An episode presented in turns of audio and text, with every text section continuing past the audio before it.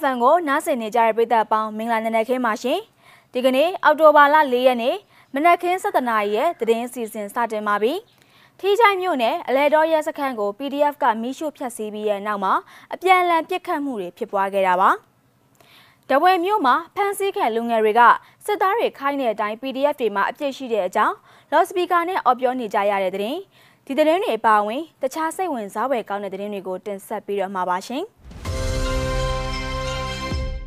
ထမဆုံးသတင်းတစ်ပုဒ်အနေနဲ့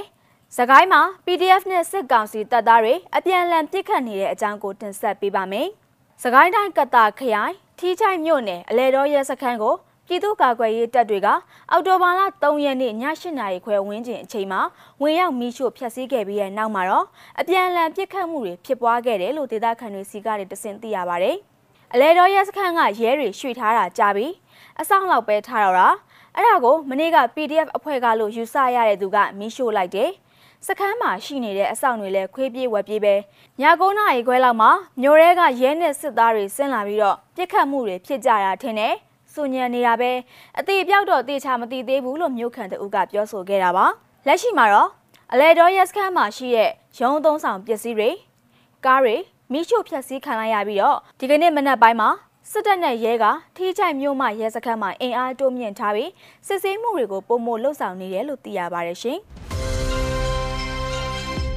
နောက်ထပ်သတင်းတစ်ပုဒ်အနေနဲ့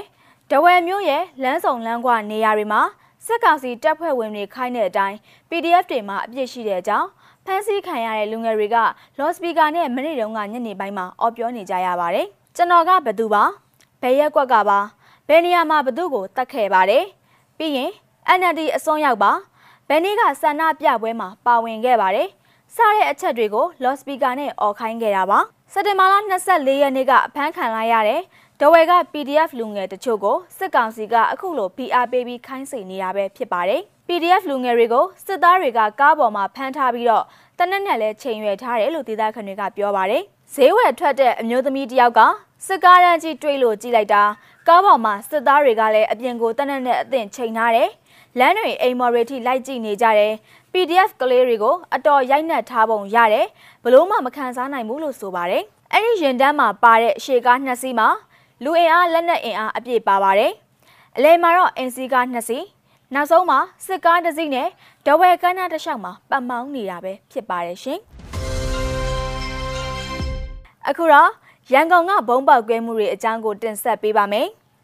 ရန်ကုန်တိုင်းလှိုင်းသားရမြို့နယ်နဲ့တာဂေတမြို့နယ်တို့မှာမနေ့ကဘုံပေါက်ကွဲမှုတွေဖြစ်ပေါ်ခဲ့တာပါ။ဖြစ်စဉ်အသေးစိတ်ကိုတင်ပြရရင်တော့အော်တိုဘာလ3ရက်ညပိုင်းကလှိုင်းသာယာမြို့နယ်ရဲတပ်ရင်ကိုနဲ့အဝေးပြင်းဝင်းကြားပသိမ်လမ်းမပေါ်မှာဘုံဖောက်ခွဲခဲ့တာဖြစ်ပြီးတော့စစ်ကောင်စီတပ်သား9ဦးခန့်တေဆုံးနိုင်တယ်လို့လှိုင်းသာယာမြို့ပြပျောက်ကြားတပ်ဖွဲ့ CGF ကတာဝန်ရှိသူတဦးကပြောကြားခဲ့တာပါ။ပွိုင်ကားတစ်စီးဒဘက်က2စီးနဲ့ကားကြီး2စီး စုစုပေါင်းကား5စီးခန့်ပါတဲ့စစ်ကောင်စီရင်တန်းကိုလှိုင်းသာယာမြို့ပြပျောက်ကြားတပ်ဖွဲ့ CGF ကမိုင်းခွဲတိုက်ခိုက်ခဲ့တာအပြင်အဲ့ဒီပောက်ကွဲမှုဖြစ်စဉ်အပြီးမှာလှိုင်းသာယာမြို့နယ်ထဲမှာစစ်ကောင်စီတပ်တွေအလုံးရင်းစစ်ဆေးမှုတွေပြုလုပ်နေတယ်လို့သတင်းရရှိခဲ့တာပါ။တာကေတာမြို့နယ်ကပောက်ကွဲမှုသတင်းကိုပြောပြရရင်တော့ညင်းတော်သာလမ်းမှာ အော်တိုဘာလ3ရက်နေ့ည8:28မိနစ်အချိန်ခန့်ကပောက်ကွဲမှုဖြစ်ပွားခဲ့တာဖြစ်ပြီးအဲ့ဒီပောက်ကွဲမှုကိုပြုလုပ်ခဲ့တယ်လို့ Burma Final Revolution M Forces ကသတင်းထုတ်ပြန်ထားတာပါ။ပောက်ကွဲတာကအတန်တော်ကျဲတယ်။ဂိဟောင်းမှတ်တိုင်ပြိုးဥယျာဉ်နားမှာပေါက်တာလို့ဒေသခံတအုပ်ကပြောကြားခဲ့တာပါ။မနေ့ကအော်တိုဘာလ3ရက်နေ့နေ့လယ်12နာရီ22မိနစ်အချိန်မှာလဲ BFIF အဖွဲ့ကရွှေပြည်သာစက်မှုစုံနားမှာတတိပေးဖောက်ခွဲမှုပြုလုပ်ခဲ့ပြီးတော့လက်ရှိလောက်ကန်ရှားပါမှုနဲ့နိုင်ငံတော်အရေးပေါ်အခြေအနေကိုအသုံးချပြီးတော့မြန်မာလူသမားတွေကိုဖိနှိပ်ခိုင်းစေနေတဲ့တရုတ်ပိုင်ကုမ္ပဏီတွေကိုအပိသက်ချိန်မုံသွားမယ်လို့တတိပေးထုတ်ပြန်ထားတာပါရှင်။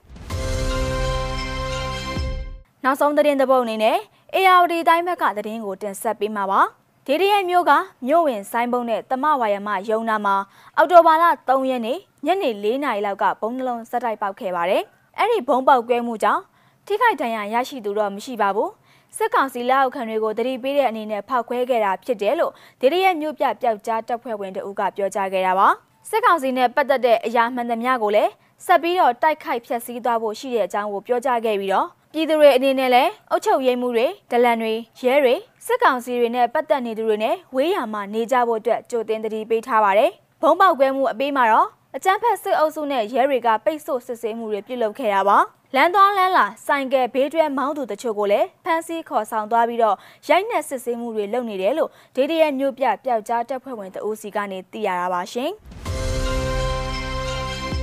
အော်တိုဘာလ၄ရက်နေ့ မနက်ခင်း7:00နာရီထိနောက်ဆုံးရရှိခဲ့တဲ့သတင်းတွေကိုအာ sorry ပါအော်တိုဘာလ၄ရက်နေ့မနက်ခင်း7:00နာရီထိနောက်ဆုံးရရှိခဲ့တဲ့သတင်းတွေကိုတင်ဆက်ပေးခဲ့တာပါ။နားဆင်ပေးခဲ့ကြတဲ့မိဘပြည်သူအပေါင်းကျမ်းမာရွှင်လန်းတဲ့တနိတာခရီးကိုဖျက်ဆီးနိုင်ကြပါစေရှင်။